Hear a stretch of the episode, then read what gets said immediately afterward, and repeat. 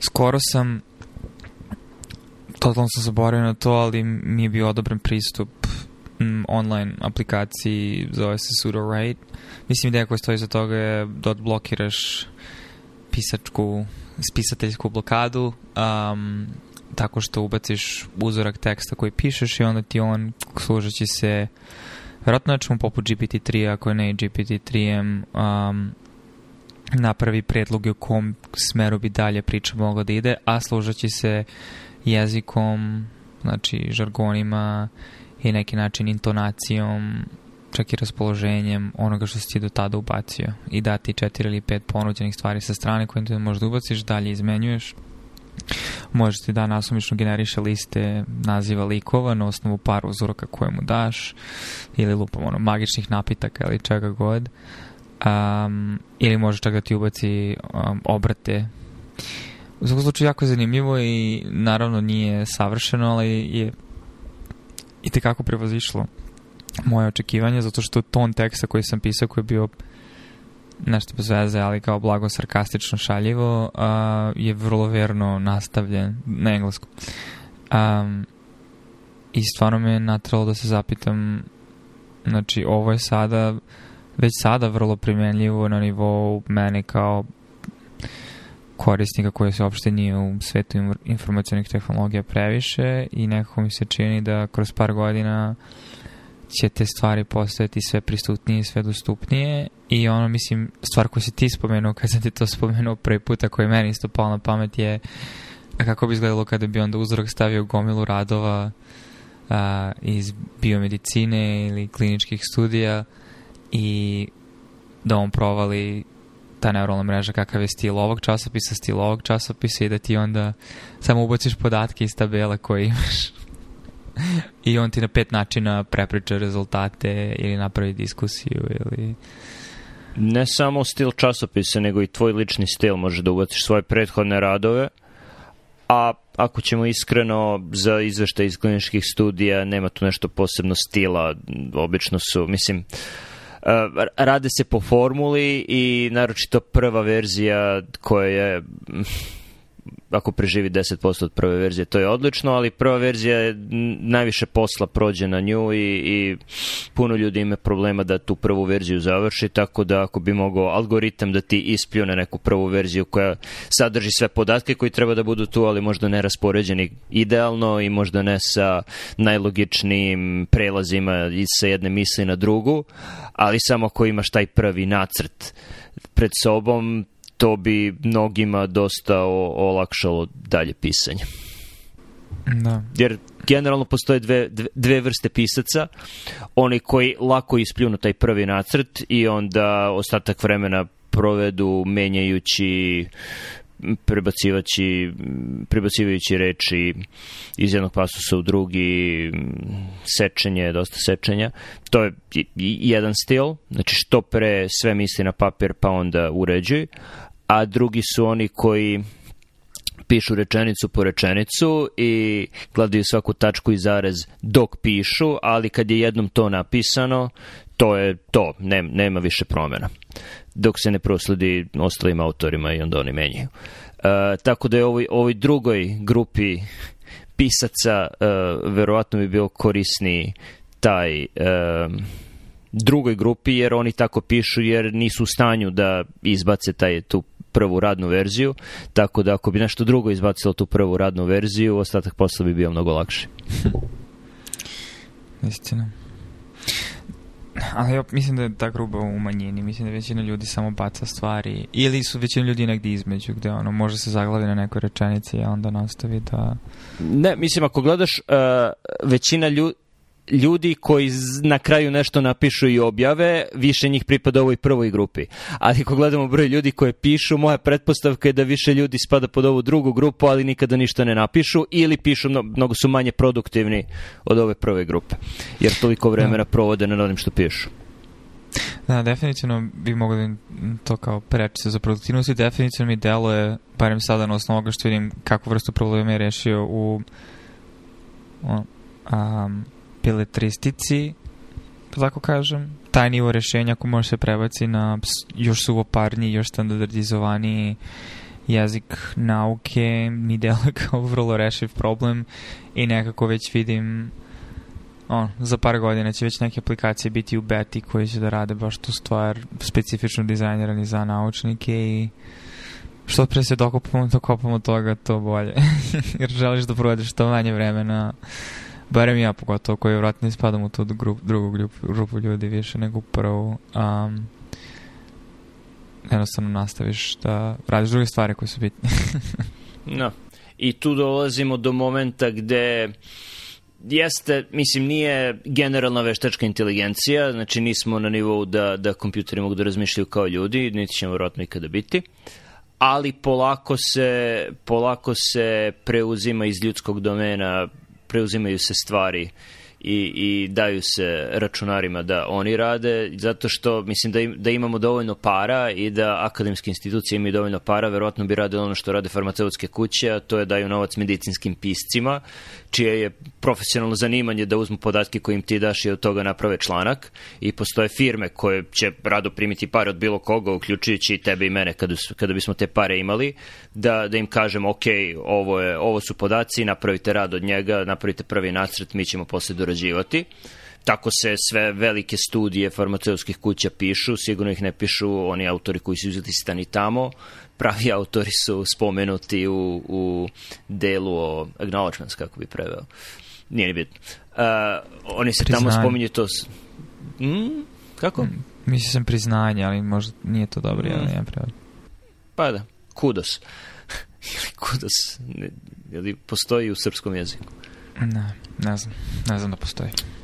Ok, provjerit ćemo, nije bitno. Uh, ali ti, ta grupa, verovatno će i dalje te firme nastaviti da rade, možda će se čak one i, i proširiti, jer će one početi da koriste algoritme, tako da će moći da smanje cene svojih usluga, tako da će drugi e, manje platežno sposobni korisnici e, mogli da, da budu njihove mušterije. Da. Um, ne znam, stvarno neko mi dela da je to definitivno nešto što je na ivici toga da bude dostupno i nama mislim da je sam point u implementaciji, a, a dela je kao jednostavan problem za neku malu grupu entrepreneur koji su možda ono završili neki um, college, bio mi sam bio medicinskom pozadinjem, imali major iz computer science ili što god, ili znali su već da programiraju, jer uh, tehnologija je već tu i mislim da barem što se nas tiče će znatno promeniti um, ne znam, mislim, ta, ta čitava linija razmišljanja da možda povučeš sve do abakusa, ono, znači kad smo uspeli da eksternalizujemo zadatke koje naš mozak radi, sve nam je lakše i lakše da onda razmišljamo o stvarima koje, alati koje koristimo nam ne rešavaju. Tako da, ali zanimljivo kako, zanima da li u stvari logaritamski skače ta, ta sposobnost, obzirom da ono, od Abakusa do Digitrona koliko je prošlo, ali od Digitrona do Excela koliko je prošlo, ali od Excela do ovako nečega koliko je prošlo. Um, nekako deluje kao da je vrlo eksponencijalno raste, ne logaritamski. To je tačno, ali nije dovoljno imati samo dobru tehnologiju da bi ona bila u širokoj upotrebi potrebno da ta tehnologija ne bude... Ako imaš malo slabiju tehnologiju koja je uz to jeftina ili besplatna, ona će se mnogo brže raširiti. Na primjer mi pada matematika koju je Steven Wolfram napravio, koja je u početku bila programski jezik samo za matematičke formule, matematičke proračune, sada je mnogo širi programski jezik koja je pre, ne znam, 15 godina, 20 imala one sveske u kojima si mogu interaktivno da da pustiš kod da ti radi i da napraviš malu lekciju iz, ne znam, statistike ovoga, onoga i onda su, postojali su ideje ovako će ovoj budućnosti objavljivanja radova, kada objavaš i rad i staviš svoj proračun tu, i, i ljudi mnogo lakše to mogu da koriste, ali problem sa matematikom je što je jako skupa i zatvorena i zato nije puno ljudi koristilo i bilo je potrebno da prođe desetak, 15 godina da se napravi uh, IPython, sad se zove Jupyter, uh, sistem tih isto svesaka, notebooks, Uh, I to je postalo raširenije, ali čak ni to nije revolucionarno promenilo obrazovanje kao što su ljudi mislili da hoće, da ljudi umesto PowerPoint slajdova i YouTube snimaka svojih predavanja ubacuju interaktivne sveske sa matematičkim problemima, problemima iz fizike, uh, čak i programiranjem, uh, gde, gde ti možeš da, da pustiš kod da, ili sam da ga pišeš, da ga menjaš i da pustiš da ti radi u samoj toj svesci, u samom tom fa fajlu. Tako da možemo da imamo super tehnologiju, ali postoji još nešto što je potrebno ljudima da bi, da bi je raširili. Ne znam šta je to. I ne znam da li će zbog toga ovo biti, a super, vidim budućnost, a do te budućnosti možda neće nikada doći. Uh, Mislim, slutim šta je razlog, recimo konkretno tome što to nije rašireno sada po školama, to je da zapitaj se ko su nastavnici i profesori u školama i koliko... Samo, Max, mislim da ona teza Plankova a, nauka napreduje jednu sahranu po, po sahranu, u smislu da nove naučne teorije počinju da se zauzimaju centralno mesto kada stari naučnici umru koji su bili protiv toga, tako da na neki način mora generacijska smena da se desi između um, onoga tehnologije koja je dostupna i novih ljudi koji će koristiti tehnologije i kada oni budu bili podučavali tu decu. Ako korist, pričaš konkretno u primjeru u školi, Mislim, ono što si rekao generalno važi za naučne hipoteze, I mislim da će zato, na primjer za fiziku, ono što ja amaterski znam o fizici je da je zaglavila u string teoriji i o generalnim teorijama opštim i, i da zato nemamo nekih novih dostignuće u teorijskoj fizici već 50 godina, jer su svi sjajni umovi počeli da se zamajavaju string teorijom. Potpuno amatersko mišljenje, nisam fizičar.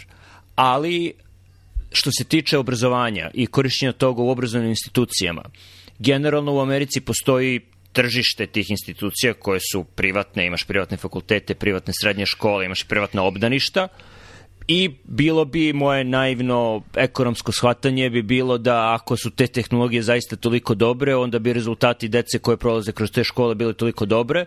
U isto vreme broj tih institucija se povećava, tako da, znači sa tim online koleđima i online institucijama visokog obrazovanja, uh, tako da nije da neko mora da čeka da neki profesor umre kako bi vanredni profesor postao redovni, docent postao vanredni profesor i tako dalje i tako dalje, već se otvaraju nova mesta. I da je to zaista toliko bolje, zar ne bi neko od tih koji iđe na novo mesto kao svoju komparativnu prednost predstavio te Python notebookove ili ne znam, neki drugi visokotehnološki metod obrazovanja i zar se ne bi tako te tehnologije raširile? A stvari idu ciklusima. Mislim, i treba vremena da nešto... I, i mislim da... Slažem se tom da je jako teško naći ko je to varijabla koja determiniše koliko treba neku tehnologiju da pređe iz early adoption u ono, hype i onda u plato. Um, I da te krive izgledaju različito za različite tehnologije. Jedno, jedno od varijabla je definitivno kompleksnost same tehnologije i teškoća primene. Uh, i koji promene, problem rešava, drugi je koliko je bitan problem koji rešava i koliko je bitna ta komparativna prednost i da li je ona individualno bitna ili kolektivno bitna. Um, tako da, da, nis, mislim, plastičan je primjer, nisam bukvalo mislio da moraju profesori da umru, ali nekako da moraju generacije da se penzionišu, ljudi da bi nove došli u pravosti, zašto onda nemamo na čitavom novom tržištu novih privatnih škola ovakve tehnologije i odgore, pa možda zato što i nisu toliko potrebne. I zato što ne bi nudile toliko komparativnu prednost. Barem za sada i način na koji su predstavljene. Ili još uvijek nije napravljen dovoljno dobar mim koji bi ih raširio. Da, ima i toga. Mnoge stvari sede u mraku, ideje, mislim ideje. To je ono što različno tome ponekad kako, kako se opšte ideje no, da i nekada nije, nije nužno da dobra ideja koja dovode do dobrog ishoda će samim tim brže i bolje se prenositi. A, tako da da, mnoge ideje, dobre ideje stoje u mraku dok ne vide svetlo dana i mora da postoji neka vrsta propagiranja iza takođe od strane ljudi koji su uzbuđeni povodom tih ideja. Ali vidjet ćemo. Ja, ja se nadam, ja mislim on, otišao sam na openai.org i gledam kako da skinem GPT-3 API i da vidim šta mogu da radim s tim sam. da. Mislim da za te ideje generalno, koliko god bilo šta mislio o masovnim medijima, mislim da generalno za te ideje uh, još uvek veliku ulogu igraju masovni mediji. Uh, daću ti primer podcastova koji postoje već ne znam, 20 godina možda malo, da, 2001. Znači, iPod je predstavljen malo posle 11. septembra do 2001. I mislim da je već nekoliko meseci nakon toga počeli su da izlaze prvi podcastovi. I to je bila ideja koja je čučala u mraku. Mislim, postoje se vratno i, pre toga su ljudi razmenjivali WAV file-ove i MP3-eve, ali onaj Apple-ov podca direktorijum podcastova je od tada postojao. I to je bila ideja koja je čučala u mraku 10-15 godina, dok nije izašao konkretan jedan podcast, Serial, o kome su počeli da, koji je bio profesionalno produciran od strane ne, neke radio kuće, ne sjećam se koje, i o kome su pisali New York Times, Wall Street Journal, ostali veliki časopisi, o kome su pričali na TV-u i onda su ljudi čuli za podcast, ok, sad mi slušamo podcastove i onda je to tržište eksplodiralo što je, mislim, osjećaš se, malo ti je žao onih ljudi koji su se pre toga bavili podcastovima, jer ljudi misle, aha, Serial je bio prvi podcast, ali sa druge strane to je i njima dosta otvorilo tržište, jer, jer mnogo više ljudi sada koriste do, do, do situacije u kojoj dve osobe koje nisu toliko nisu profesionalno bar uh, u tehnologiji i u produciranju audio zapisa i u objavljivanju stvari na internetu, u mogućnosti za, ne znam, da za pola sata snime epizodu i da za još pola sata rada puste tu epizodu na internet. Da, mislim da količina novo uplivanih ljudi je definitivno stvorilo posljedice da stvari za produkciju postanu mnogo on, jednostavnije. Uh, a, i onda je to kao ono grudva koja raste sve više i više. E, paralela mi isto blogovi na neki način. I blogovi su imali neku svoju, svoju inicijalnu ono, svetlost dana ono, sredina 2000-ih do 2010. i posle toga su nekako iščileli, microblogging, Twitter uh, i dalje su postali blogovi, ali nisu bili toliko mainstream, ali sada u poslednjih godinu dana kroz Substack nekako mi deluje da su blogovi definitivno mainstream. Ili da, zove blogovi, Substackovi, kako već, mislim, da, new, online. newsletters. Pa da, no. Da. zato što mislim da i većina ljudi to čita ih preko e-maila, nažalost, Što meni jako čudno, nisu... zato što ono 2000 devete godine si mogu da imaš jako dobar RSS reader na, na kompjuteru koji bi ti sortirao sve stvari koje ti dolaze, a sada ljudi u svom email inboxu u kome se nalaze računi, promocije i sve ostale gluposti čitaju newslettere, totalno mi je nejasno taj moment. Ili ćemo ponovno da izmislimo RSS čitače? za to, kao i za većinu drugih loših stvari na internetu, možeš bez problema da okriviš Google koji je ubio RSS na internetu, jer su imali jako dobar RSS čitač, Google Reader, koji sam ja koristio do 2000, ne znam, 6. 7. kad su prekinuli rad na njemu i zatvorili ga. E, a postoji alternativna istorija sveta u kojoj je Google odlučio da je Google Reader u stvari jako dobar metod spajanja, jer su imali podatke, ok, imamo ovu osobu sa ovim profilom i on čita ove priče na RSS-u, ovde stavlja zvezdicu, ovo deli sa drugima, imamo podatke o mnogim drugim ljudima, mogli su od toga da naprave jako dobru kulturnu društvenu mrežu gde bi I ljudi razmenjivali članke. Ili biznis platforma, znači to je bila odlična platforma za Google da, da prave društvenu mrežu, umesto toga oni su odlučili da naprave Google Plus ili kako se već zvao, onu glupost, gde, gde su te ljudi pratili i dodavali iako ti nisi imao nalog na Google Plusu. Uh, tako da je to bio jedan neverovatno loš potez. Uh, da, žao mi je što ljudi manje koriste RSS i uvek mi je žao kada vidim neki dobar sajt sa dobrim člancima koji nije uključio RSS, pošto je to i dalje glavni način na koji ja pratim ljude. Uprkos Twitteru. Star sam, šta ti kažem. Mala violina u pozadini. Mala RSS violina u pozadini.